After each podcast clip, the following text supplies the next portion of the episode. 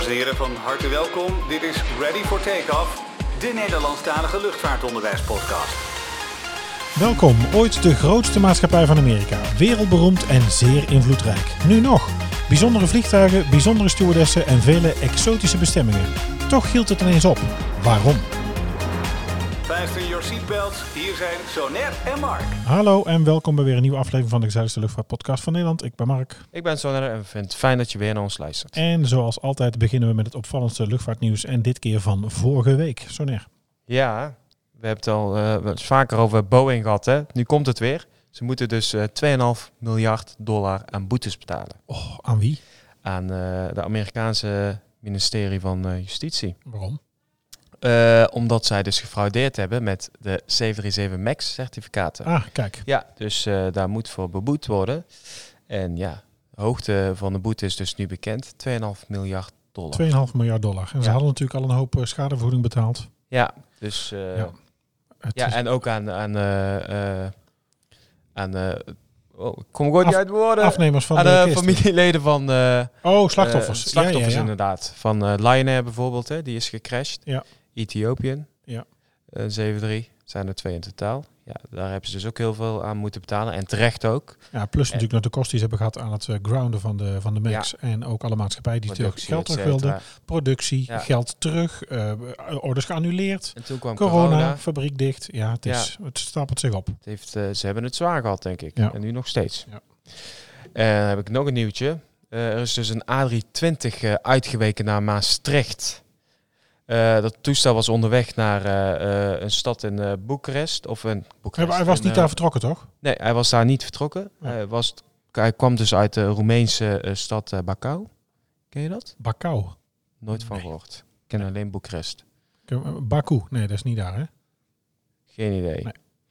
Azerbeidzjan, Baku. Maar er was dus een motor uitgevallen. Dus Oh. dat toestel is uitgeweken. Daar staat een registratie bij. Mhm.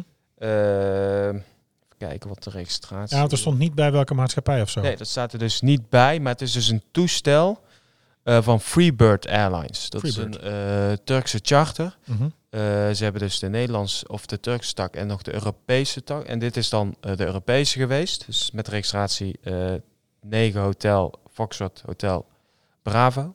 Mhm. Eh, ze hebben dus ook heel lang hier op Eindhoven gestaan. Ze hebben Ja, Freebird. Vorig Ik- jaar, of het jaar, nee, het jaar daarvoor, dus voor corona nog, hebben zij eh, eh, vluchten naar Erbil uitgevoerd. Waar naartoe? Erbil ligt in eh, Irak. Jezus. Ja. Oké. Met, met, ik werkte toen nog even op Eindhoven Airport, volgens mij in die tijd nog. Was de laatste zomer dat ik daar heb gewerkt. Toen was jij nog dispatcher buiten. Flight dispatcher, loodcontroller. Ja. En ja, vluchten met 20 passagiers. En eh, ja, Jeetje. ja, wie vliegt hier nou naar eh, Irak? Ja, Irakezen, denk ik. Ja, maar, ja, vakantiefamilie. Maar weinig ook. Ja, ja wat Eh, zou je er zelf gaan doen? Ja, Het is niet echt een vakantiebestemming, denk ik. dus ja. Maar ze zijn gewoon veilig geland. En waar staat de kist nu nog daar? Of is die gerepareerd en toch weer vertrokken? Staat er niet bij. Staat er niet bij. Motorproblemen, dat is niet handig. De Orange Pride had toch ook eh, motorproblemen vorige week? Eh, Bravo Victor Alpha. ja, de 777 van eh, 300. KLM, die eh, half oranje gespoten kist waar ze ooit de Olympiërs mee zijn opgehaald. Ergens, eh, ze zijn boven Rusland eh, teruggekeerd, toch? Geen idee. Waar is die onderweg naar Shanghai of naar Peking, denk ik? In ieder geval, het was een vlucht richting China. En daar eh, stopte er eh, een van de motoren mee. Ja, dan moet je terug. Of in ieder je geval naar beneden. Ja, Ja. heftig. Ja, we, we kunnen nog wel, eh, we hebben het natuurlijk ook wel, eh, daar hebben we het trouwens laatst over gehad, over e-tops, hè? Over één, eh, op één, Ja. eh, één motor nog eh, opereren, maar goed. Ja, Nou, ik heb, eh, wist je dat er een blokkade was eh, boven het luchtruim eh, eh, van Saudi-Arabië voor eh, de vluchten uit eh, Doha, Qatar? nee? Ja. Wa- waarom? Nou, meer dan drie jaar is het dus weer, eh, is het dus weer open. Drie Eh, jaar? ja, Maar waarom? Is dat politiek een, eh, Politiek, een probleem? Ik. Ik, weet wel, wij hebben, toen ik bij de luchtmacht nog vloog, eh, moesten wij wel eens naar, eh, naar Afghanistan natuurlijk. En dan vlogen wij nooit over, ik denk Irak of Iran, maar dat ben ik even kwijt. Dus daar was het altijd omvliegen. Ja. Klein detourtje maken. dat was nu dus ook tussen, tussen Qatar en eh, Saudi-Arabië. Oké, dus ze mogen er nu wel overheen. Ze Ja. gaan er dus niet heen. Het is dus echt de overvliegenvergunning, Ja. zeg maar. Ja, en, eh, en nu mag het dus weer. En het eh, scheelt aanzienlijk qua kosten. Dus ze hoeven niet meer eh, om te vliegen. En dat komt natuurlijk eh, Qatar Airways heel goed uit. Ja. Maar gewoon drie jaar heeft het geduurd, hè, sinds 2017. Dat is wel opvallend lang, maar ik eh, wist dat echt niet. Ja. Oh, grappig. Dus het, is, eh, het mag weer, het luchtruim is weer open. Hm, Meer directere vluchten. We Ja. kunnen weer brandstof besparen, dus ja, eigenlijk. en de vluchten zullen dan ook weer korter worden. Wat scheelt net, denk je? Hoe moesten we, zei drie uur omvliegen? Nee, geen drie uur. Nee, ik heb niet over drie uur gehad. Want ze moeten dan ja, om een land heen. Nou ja, dat kost al snel een uur Ja, natuurlijk. Saudi-Arabië is vrij, Vrij groot, groot. ook, hè? Ja, Ja. dus dat heeft natuurlijk al sowieso effect op je route. Oh, Ja. grappig. Oké. Ja. Heb je verder nog iets? Nee, dat was het. Verder geen nieuws. Eh, dan heb ik nieuws. Of het laatste wat ik eigenlijk heb is, eh, ja, zoals we dat ook, we zeggen, beloofd hebben eind vorig jaar. dat lijkt heel ver weg, maar het is vandaag pas eh, 8 januari. Maar we hebben natuurlijk nieuwe, nieuwe vormgeving. En ehm, opgenomen ehm, eh, en eh, dankbaar zijn we aan eh, Arno Lubbingen. Die heeft eh, de voice-over gedaan. Je kunt hem kennen van eh, wat voice-over werk. eh, bijvoorbeeld bij SBS. VT Wonen doet hij. En ehm eh, Pelle Kuipers. Pelle Kuipers heeft eh, de muziek eh, eronder gezet. eh, regelt voor ons ook de rechten en eh, plakt het altijd mooi aan elkaar. En zo hebben we dus nu een nieuwe socials bumper. Dus eh, ik zou zeggen, Laat het horen. Heb jij nu ook een nieuwtje of een tip? Je kunt ons bereiken op Twitter, take underscore ready. En op Instagram vind je ons onder Ready for Takeoff Pod. Bezoek onze website summacollege.nl slash ready for takeoff en klik op reageer. Of stuur een e-mail naar readyfortakeoff at summacollege.nl kijk, nieuwe bumper. Hoef ik het niet meer te zeggen. Hoef je het niet meer te zeggen. scheelt, praten, hè? eh, Ja, zeker. Nee, maar sowieso. Ik vind het leuk. Het is netjes. Er komt zo meteen nog meer. Maar eh, dit alvast dus het eerste voorproefje van onze nieuwe socials. Het, eh, het hoofdonderwerp. Uh, Soné, waar ken je Pen M van? Eh, om de serie. De Amerikaanse luchtvaartmaatschappij. Ja. Eh 747. Altijd als ik aan de Pan Am denk, dan denk ik ook aan de 747. Ja, dat is gek, hè? Aan de Classic nog Ja, zelfs. dat is mooi. Hè? Dat Ja. hebben zij dus echt aan de kont hangen, zeg maar. Ja. Ja. IATA. IATA-code, of ICAO-code callsign. eh IATA-code is, eh, was Papa Alpha. ICAO-code was Papa Alpha Alpha. En callsign, en daar kennen veel mensen het ook van. Toch zeker de luchtvaartingewijden die luisteren. Eh, callsign was ook wel Clipper. En en dat heeft heb- te maken met de vlietuigen die ze die ze En eigenlijk ook nog eens slecht aandenken. Of ja, eh Tenerife ramp met KLM. Ja, Tenerife. 747's. Lockerbie. Ja. Daar gaan we het zo meteen ook over hebben. Tenerife ramp overigens niet. Lockerbie heb ik er wel eventjes eh, uitgehaald. Ehm, ja, Clipper natuurlijk. Pan Am te herkennen aan het blauwe wereldbol logo. Eh, ze noemen het ook wel eh, de gekscherend de Blue Meatball. Het gebruik van het woord Clipper in de namen van de vliegtuigen en roepnamen. En witte uniformpetten van de piloten. Nou, daarmee waren zij in de 20e eeuw, begin 20e eeuw, echt een, ehm, ja, een cultureel icoon. Uiteindelijk hebben ze 226 vliegtuigen gehad. Vlogen naar 86 landen. Eigenlijk naar de zes grote continenten. En eh, dat allemaal op hun piek in 1968. Hoofdkwartier was in eh, New York. Hadden ze twee stuks en eentje in, eh, in Miami, in Florida. En zij waren ooit ja, toch wel de allergrootste internationale luchtvaartmaatschappij van Amerika. Alleen al in 1970 eh, vervoerden zij 11 miljoen passagiers naar die 86 landen over de hele wereld. Ze staan dus ook bekend, nou naast die witte petten en dat, dat bijzondere logo als, ja, als pionier van, van luchtvaart en vliegreizen. Ze hebben inmiddels een, eh, een soort cultstatus eigenlijk verworven. Er is een tv-serie gemaakt, daar gaan we het straks nog over hebben. Er is ook allerlei, ja, eh, memorabilia heet het, hè? Hoe heet dat? Eh, spulletjes, ja, troep, rotzooi, leuke dingen, mooie dingen van gemaakt. Je kunt nog steeds tassen, kopen. Tassen, inderdaad. Ja, ik heb nog gekeken trouwens toen ik aan het voorbereiden was. Weet je, even kijken voor een tas, maar dat kost echt heel veel geld. Wil dat lukken? Originele trouwens, het wordt ook nagemaakt hè, van nepleer. Ja. Maar, maar die echte tassen, die kwamen bij Pan Am voor het eerst vandaan. Als in het blauw ook. Alles Blauw, blauw, ja. blauw met wit. Ja. En eh, zij hebben ja, nu na 60 jaar eh, vluchten en eh, nou toch vele decennia eigenlijk van financiële turbulentie eh, in de luchten en op de grond ging Pan Am uiteindelijk eh, failliet. Maar ja, hoe komt dat nou eigenlijk? En, en waar, eh, hoe is dat ontstaan? Nou, het, het allereerste ontstaan van Pan Am is dat ze eh, eigenlijk zijn opgericht door twee majoors van de Amerikaanse luchtmacht. Ze zijn begonnen met eh, luchtpost tussen Key West en eh, Havana, Cuba, in 1927. En eh, zij, uiteindelijk zijn zij begonnen met lijnvluchten. Binnen een jaar kwam eh, luchtvaartvisionair Juan Triep de controle overnemen van de twee majoors en introduceerde dus Pan Am met de eerste passagiersdiensten naar Havana.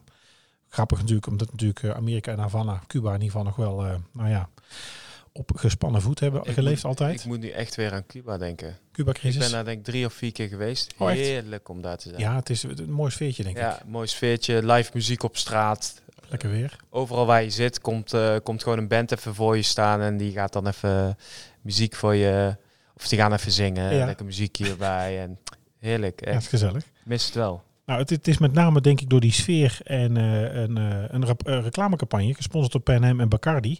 Eh, nou, daardoor hebben ze dus mensen om Ameri- om Amerikanen eigenlijk ja, op weg geholpen om te vliegen. Ehm, alcoholverbod in de VS en rum drinken in de zon in Cuba was natuurlijk toen het lokkertje. Ja. Nou, vervolgens hebben zij het netwerk uitgebreid. In 1930 vlogen zij routes door het hele Midden-Oosten en Zuid-Amerika. En cruciaal was toch wel de vloot van hun vliegboten, zoals ze dat ook wel noemden, dus die clippers. Eh, vliegtuigen om op het water te laten landen. Op eh, bestemmingen waar ze geen betonnen landingsbaan hadden en waar ze dan toch naartoe konden. Daar waren zij best wel innovatief eh, op, op dat gebied. Nou, sinds die watervliegtuigen vlogen, droeg Pan Am dus uniformen van zeekapiteins. Zo komen zij dus aan die witte petten.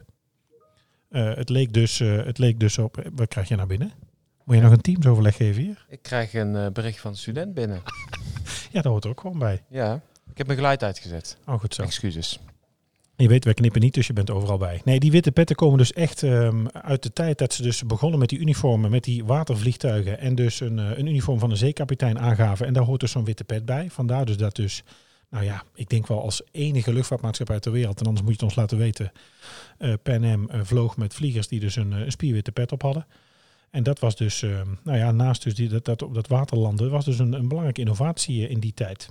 Nou, van al die dingen eh, die we tegenwoordig als vanzelfsprekend beschouwen, zoals luchtverkeersleiding, verschillende vluchtprocedures, eh, een bepaalde manier om het weer te voorspellen, hoe je vlucht plant. Eh, nou ja, Pan Am was de eerste maatschappij die de wereld rondvloog en ze hebben eigenlijk een aantal records op dat gebied gevestigd. Zij waren namelijk de eerste die vanuit de Verenigde Staten over de Stille Oceaan vlogen. Ehm, ze lanceerden internationale diensten en hebben daar dus gewone vliegreizen mee, we zeggen, de- weg geplaveid eh, hoe we dat nu eh, doen. En in 1958 eh, kwamen ze zelfs met vluchten op het, het continent als enige ter wereld op Antarctica. Daar, hadden zij dus, daar werden zij de meest ervaren luchtvaartmaatschappij ter wereld mee, zoals ze dat toen noemden. De moderne vloot van vliegtuigen met drukcabine konden namelijk soepel boven turbulent weer vliegen. Dat is ook waar zij toen ook mee begonnen zijn. Ehm, ze hadden echt nog ja, hutten, echt nog wel ehm, eh, kamertjes waar je aan boord in zat. Ehm, ja, be- bemand eigenlijk door meertalige universitair geleide cockpit, eh, opgeleide cockpitbemanning en cabinebemanning die luxe maaltijden serveerde. Er werd echt gekeken, en dat komt in die serie naar voren die ik zo zal noemen, eh, dat dat echt ja, eh, aparte, nou ja, aparte geselecteerde types ook waren. We hebben dat volgens mij in de geschiedenis van de stewardess, en daar kom ik weer, Sonair, dat is aflevering pff, 13 volgens mij van ons. Ehm hebben we het gehad over het ontstaan van, van stewards en stewardessen, van cabin attendants. En ja, Pan Am was toch ook wel, en dat was een tikkie fout natuurlijk, een van de maatschappijen die echt modellen zocht en keek naar kwaliteiten van dames eh, als het gaat om, eh, om uiterlijk, eh, opleiding. Vleeskeuring. Ja, en ze Ja. mochten niet getrouwd zijn. Ja. ja, dat is natuurlijk niet zo heel fraai, maar dat, zo werd dat wel gedaan. Nou, luxe maaltijden, ehm, eh, caviar, champagne, biefstuk, het eh, wilde allemaal tierig aan boord. En eh, op 26 oktober 1958 wordt Pan Am de eerste luchtvaartmaatschappij die met straalvliegtuigen vliegt. Ik zei het net al, hè, die Jet Age stapte zij binnen. Een Pan Am Boeing 707 vliegt namelijk in 8 uur van New York naar Parijs. Aflevering 13. hey, uit mijn hoofd goed hè? Ja. Bam. Aflevering Fotografisch 13 dus. geheugen. Wat zeg je? Zeg, je hebt gewoon een fotografisch geheugen. Ja, is niet altijd handig. Als je beelddenker bent. Ik onthoud ook dingen die je niet wil onthouden. Eh, nou, door die krachtige motoren, doordat ze dus de Jet Age instapten en dus eh, non-stop konden vliegen, kon Pan dagelijks vluchten van Londen naar Parijs introduceren. Eh, en ook natuurlijk naar, naar New York vanuit Londen en Parijs. En met de introductie van die economy class opende Pan Am eigenlijk de wereld voor ook toeristen. We hebben al eens eerder aangegeven in onze geschiedenis steeds bij alle eigenlijk luchtvaartafleveringen die we maken, eh, dat natuurlijk het vliegen ja, vroeger echt wel aan beroemdheden en rijken was. eh, eh, al- al- alleen voor die mensen bedoeld was, of in ieder geval betaalbaar was. Maar ook Pan Am begon uiteindelijk tickets te verkopen. Nou, in 1970, we komen al wat verder richting onze tijd, vervoerde Pan Am 11 miljoen klanten. Eh, meer dan 20 miljard mijl de wereld over. En omdat eh, men dacht dat vliegreizen alleen maar zouden blijven groeien, investeerde Pan Am een half miljard dollar in een grote vloot. En daar komen ze van Boeing 747 straalvliegtuigen. Het is dus in de 70 jaren dat men dus dacht, ja, dit wordt groter. Er gaan meer mensen vliegen, dus we gaan daar geld aan uitgeven. En we kopen 747's. Nou, dit, ehm, ja, dit bleek een, een, vergissing. In zoverre in oktober 73 kon de organisatie van eh, Arabische olie-exportlanden een, eh, een olieembargo af. Waaronder de VS, die Israël steunde in, het, eh, in de Yom Kippur-oorlog. En tegen het einde van het embargo in 1974 was de olieprijs 400% gestegen. Nou, dit trof Pan Am keihard Omdat zij natuurlijk in tegenstelling met andere luchtvaartmaatschappijen veel lange afstandvluchten hadden, grote toestellen hadden en daar was dus veel brandstof voor nodig. Ehm, ja, als je dan even los van die oliecrisis kijkt, wat dan dus wel bijzonder was in het feit dat jij ook zegt, zo naar, uh, ja, god die 747. Uh, zij waren namelijk ook de launching customer van de 747. Pan Am was de eerste maatschappij die, uh, die met die 747's uh, ging vliegen. Destijds was dat dus ja, een geweldige keuze om de vliegtuig te kopen. Dat was toen juist. Nou, de oliecrisis heeft dat natuurlijk veranderd. En toen bleek ze ineens het verkeerde vliegtuig te hebben, wat natuurlijk niet zo efficiënt was. En eigenlijk zie je dat nu weer gebeuren. Hè? Eigenlijk ja. zie je nu, ondanks de ontwikkelingen, dat we inmiddels bij de 747 8 zijn, dash 9 zijn. En uh, de toestellen langzaam 8 en er langzaam er toch uitgaan. En ook die A380's ermee stoppen. Omdat het gewoon heel veel brandstof kost. Maar je moet veel tickets verkopen. En ja, zoveel ja, wordt er dus niet meer. Zoveel vragen ze dus niet meer. Eigenlijk kwamen ze toen al tot de conclusie. Uh, dan hebben we het, hebben het over uh, bijna 29 jaar geleden. Of misschien wel langer. Want in 91 zijn ze failliet gegaan. Hè? Ja. Uh, dus al veel langer. Toen was er dus al sprake van dat die viermotorige vliegtuigen dus Ja, en dus kort, kort na het uitkomen al. En precies, en dan toch nog een A380 uh, te markt zetten. Ja. ja, ja, dat is heel bijzonder. Eigenlijk gek, daar zouden we nog eens ook wel eens in moeten duiken eigenlijk. Ja. Nou, die bedrijfskosten van PNM schoten dus uh, na de aanschaf van die 747, de oliecrisis, dus echt omhoog. Uh, de economie vertraagde. Uh, de Amerikaanse honger naar internationale vliegreizen nam eigenlijk kaart af. Waardoor ze dus, um, nou ja, eigenlijk PNM achterlatend met overcapaciteit en een, uh, en lege jets uh, aan het vliegen. Gevolg hiervan is dat ze tussen 69 en 1976 alles bij elkaar zo'n kleine 350 tot 360 miljoen um, verlies hadden gedraaid. En uh, totaal hadden zij bijna een miljard schuld. Nou, ze hebben dus um, lang gehoopt om binnenlandse vluchten aan te gaan pakken, om dat bij activiteiten die ze al deden bij te zetten. En er sprak zelfs met een aantal binnenlandse luchtvaartmaatschappijen, waaronder American en United, om ja, te fuseren. Maar rivaliserende maatschappijen overtuigden het uh, Amerikaanse congres van dat PNM en de Amerikaanse luchtvaart dreigden te monopoliseren. En door de Civil Aeronautics Board weigerde men dus om, uh, om te fuseren met, met PNM. Het mocht dus niet. 1978 werd die Airline Declaration Act omgezet in een federale wet van de Verenigde Staten. Wat betekent dat dus de regering geen controle meer had over routes van maatschappijen. Nou, PNM kreeg daardoor toestemming om dus toch een binnenlands systeem, ja, laten we zeggen, over te nemen. En zij kochten, kochten haastig het, het National Airlines, uh, de maatschappij National Airlines, voor een bijna 500 miljoen dollar. Eigenlijk ook gek, hè? Ondanks dat zij zoveel verlies hadden gemaakt, hebben ze toch nog een luchtvaart. Om, om dat nog iets uit te geven. Ja. ja. en heel grappig, want dat zie je natuurlijk nu, en dat hoor je nu ook vaak. Er zijn nu ook heel veel maatschappijen die nu starten of nu uh, kisten bijkopen. Ja, wat natuurlijk eigenlijk in deze tijd ook, nou ja, laten we zeggen, toch wel opvallend is. Ja. En dat heb je dus ook toen. De, er is dus, nou ja, als je het zo zou zeggen, als je het hier ziet, is er weinig geleerd. Ze doen nog steeds hetzelfde. Ja. ja. Ja, ik denk nu ook de luchtvaartmaatschappij die dus kisten inkopen. Nou ja, je ja, kunt natuurlijk nu wel weer wel... goedkoop kopen. Dat is natuurlijk ook ja. met, die, met die National Airlines gebeurd. Hè. Uh, um, het ging natuurlijk om die routes. Ze hebben natuurlijk een keuze gemaakt. Niet vanaf nul op te bouwen, maar ze hebben dus iets kant-en-klaars gekocht. Je had dus twee culturen. PNM, eigenlijk heel werelds. Uh, heel verfijnd was reclame mee te maken. Internationaal.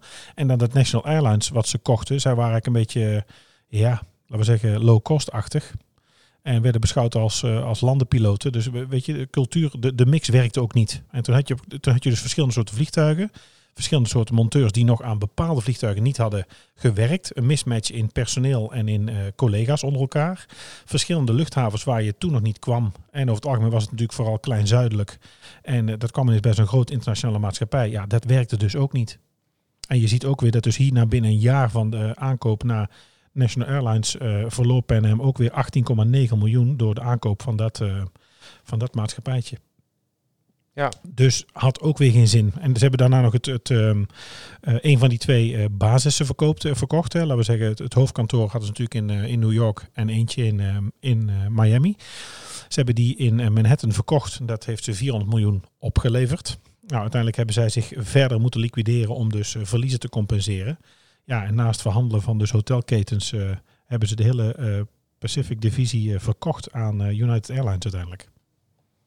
Dus is het toch weer ja. een beetje opgegaan eigenlijk. Nou, ze hadden nog wel een reputatie uh, rond die tijd als, uh, als vlaggenschip, als, als Amerikaanse, de Amerikaanse luchtvaartmaatschappij. Maar dat werd echt uh, verwoest. En daar begonnen we net al over uh, in het begin door de terroristische aanslag ehm, ja, boven de lucht van, van Lockerbie in, in Schotland. dat was een bomaanslag en die heeft uh, PNM uiteindelijk 350 miljoen dollar gekost.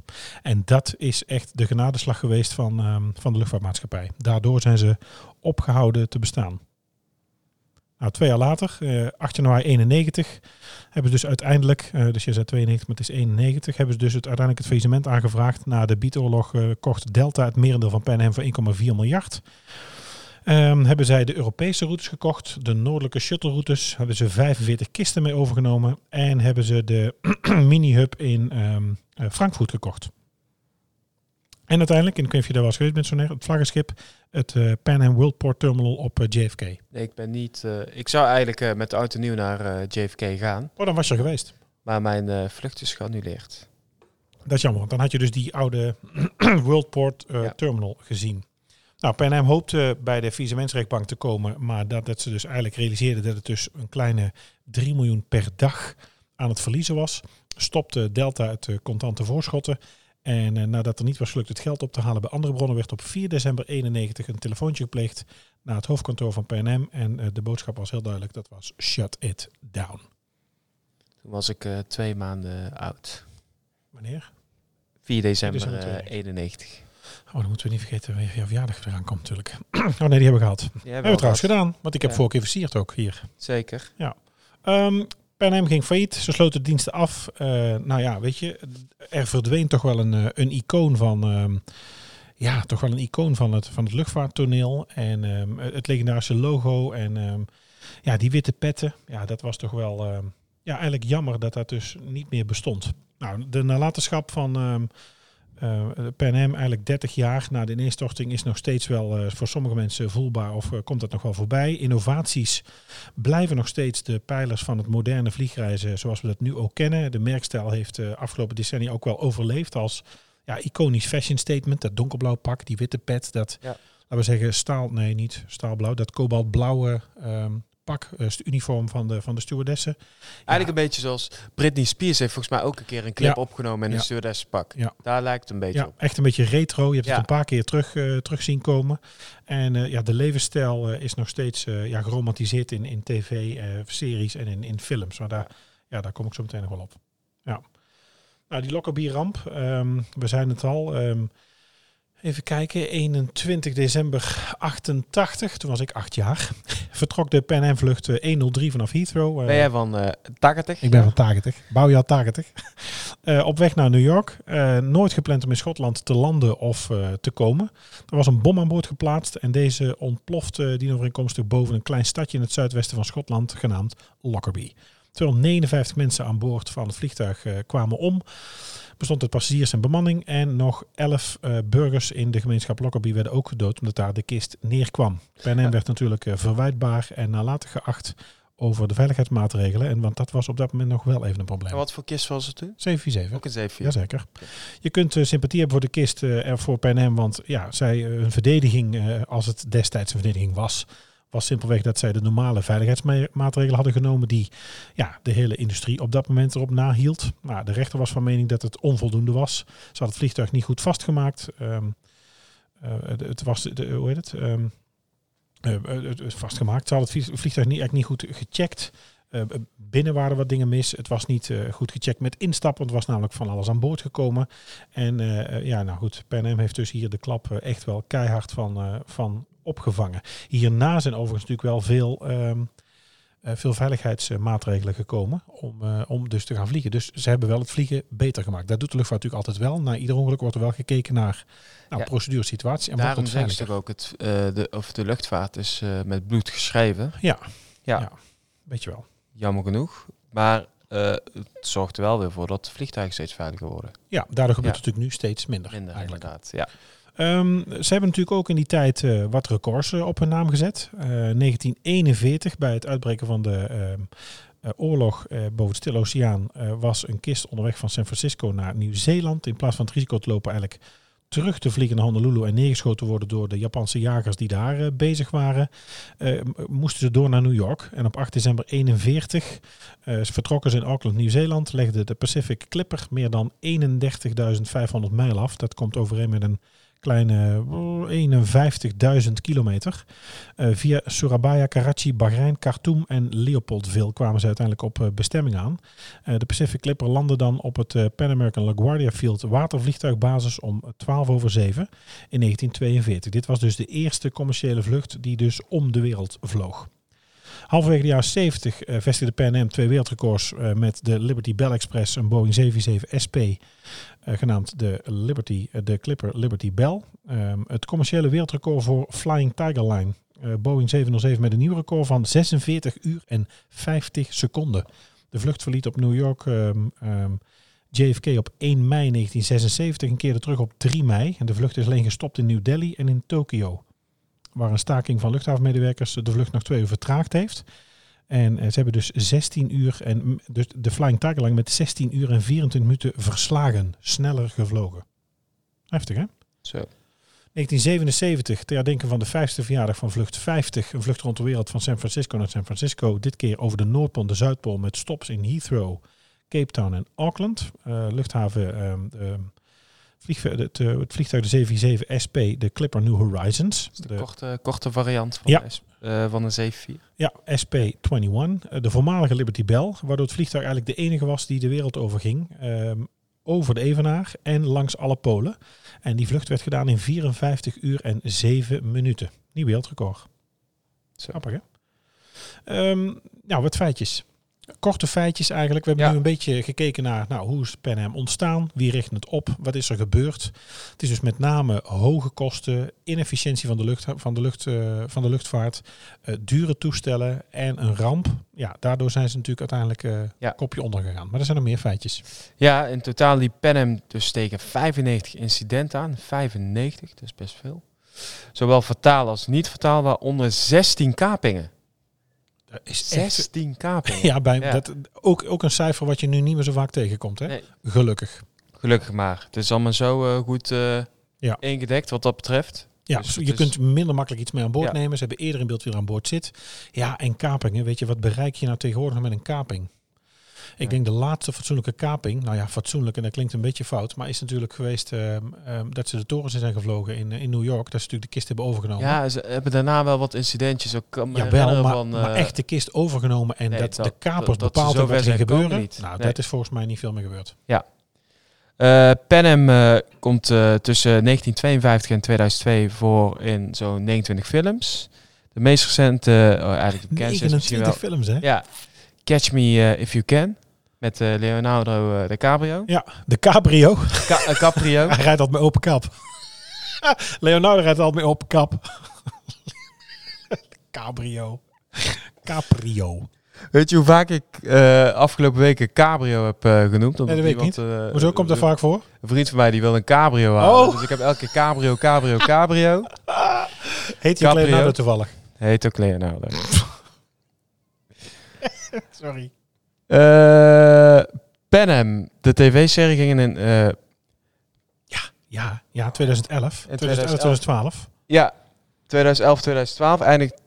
Op, ik kom gewoon niet meer uit mijn woorden. Nou ben ik zo... eh, De, de weg kwijt. Sorry, is mijn fout. doe jij maar even. Nee, helemaal niet. Nou ja, Sony Pictures, inderdaad de tv-serie. Die hebben een, eh, ze hebben nog, dat is heel grappig. Het is dus maar één seizoen. Dat is eigenlijk opvallend.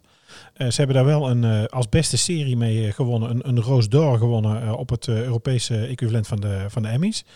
Nou, ze hebben uiteindelijk geen deal kunnen sluiten met, met Amazon, met Uncle Jeff, Jeff Bezos. Ik denk de rijkste man op aarde. Als ik nu aan Amazon denk, dan denk ik aan die website waar je heel goedkoop eh, spullen kan Ja, kopen. maar dat is, Ja. ook, dat is natuurlijk ook Amazon, Amazon Prime, Ja. spullen en, eh, en de tv. Ehm, ja, ik vond het wel echt mooi. Het is maar één seizoen van 14 afleveringen.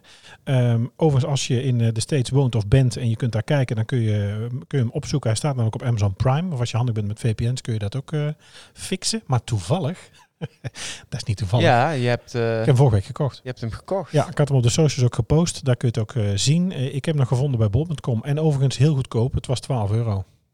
Oh, dat valt eh, mee. Ja, maar heel gek, er staat er een op van 12 euro en een van 40. Maar ik kan het verschil nog steeds niet zien.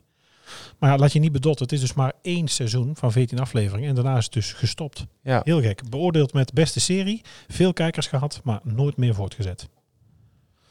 Ja. Heel gek. Wil je meer weten en waar wij het eh, vandaan hebben? Meer weten over Pan? Kijk op eh, everythingpanam.com, op panam.org of op het deltamuseum.org. En daar kun je meer vinden eigenlijk van, ehm, van Pan. En ehm, nou, nou ja, als je daar wat, wat meer weetjes, wat meer feitjes, meer dan wij in ieder geval belicht hebben. Wij hebben voor je gewoon, laten we zeggen, grof er doorheen willen lopen door het ontstaan het bestaan en het, eh, het stoppen van deze bijzondere luchtvaartmaatschappij.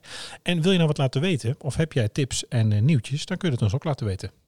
De Nederlandse Luchtvaartonderwijs podcast vind je in jouw favoriete podcast app. Zoals Apple Podcast, Overcast, Stitcher en Google Podcast. En op Spotify. Ready for takeoff. Nou, laat ons dus zeker iets weten als jij tips of ideeën hebt. Wil je ons meer laten weten? We zijn natuurlijk ook te bereiken ready for takeoff@summercollege.nl, ready for takeoff pod op Instagram. En eh, misschien heb jij wel een idee voor de volgende aflevering. En dan kun je dat meenemen. Dat maken we met veel plezier. Je weet, we zijn makkelijk te bereiken. En we luisteren altijd. Jij ook? Tot volgende week. Tot volgende week. Dit was Ready for Takeoff. Denk aan je persoonlijke bezittingen, volg ons op onze socials, vergeet je niet te abonneren en tot de volgende keer.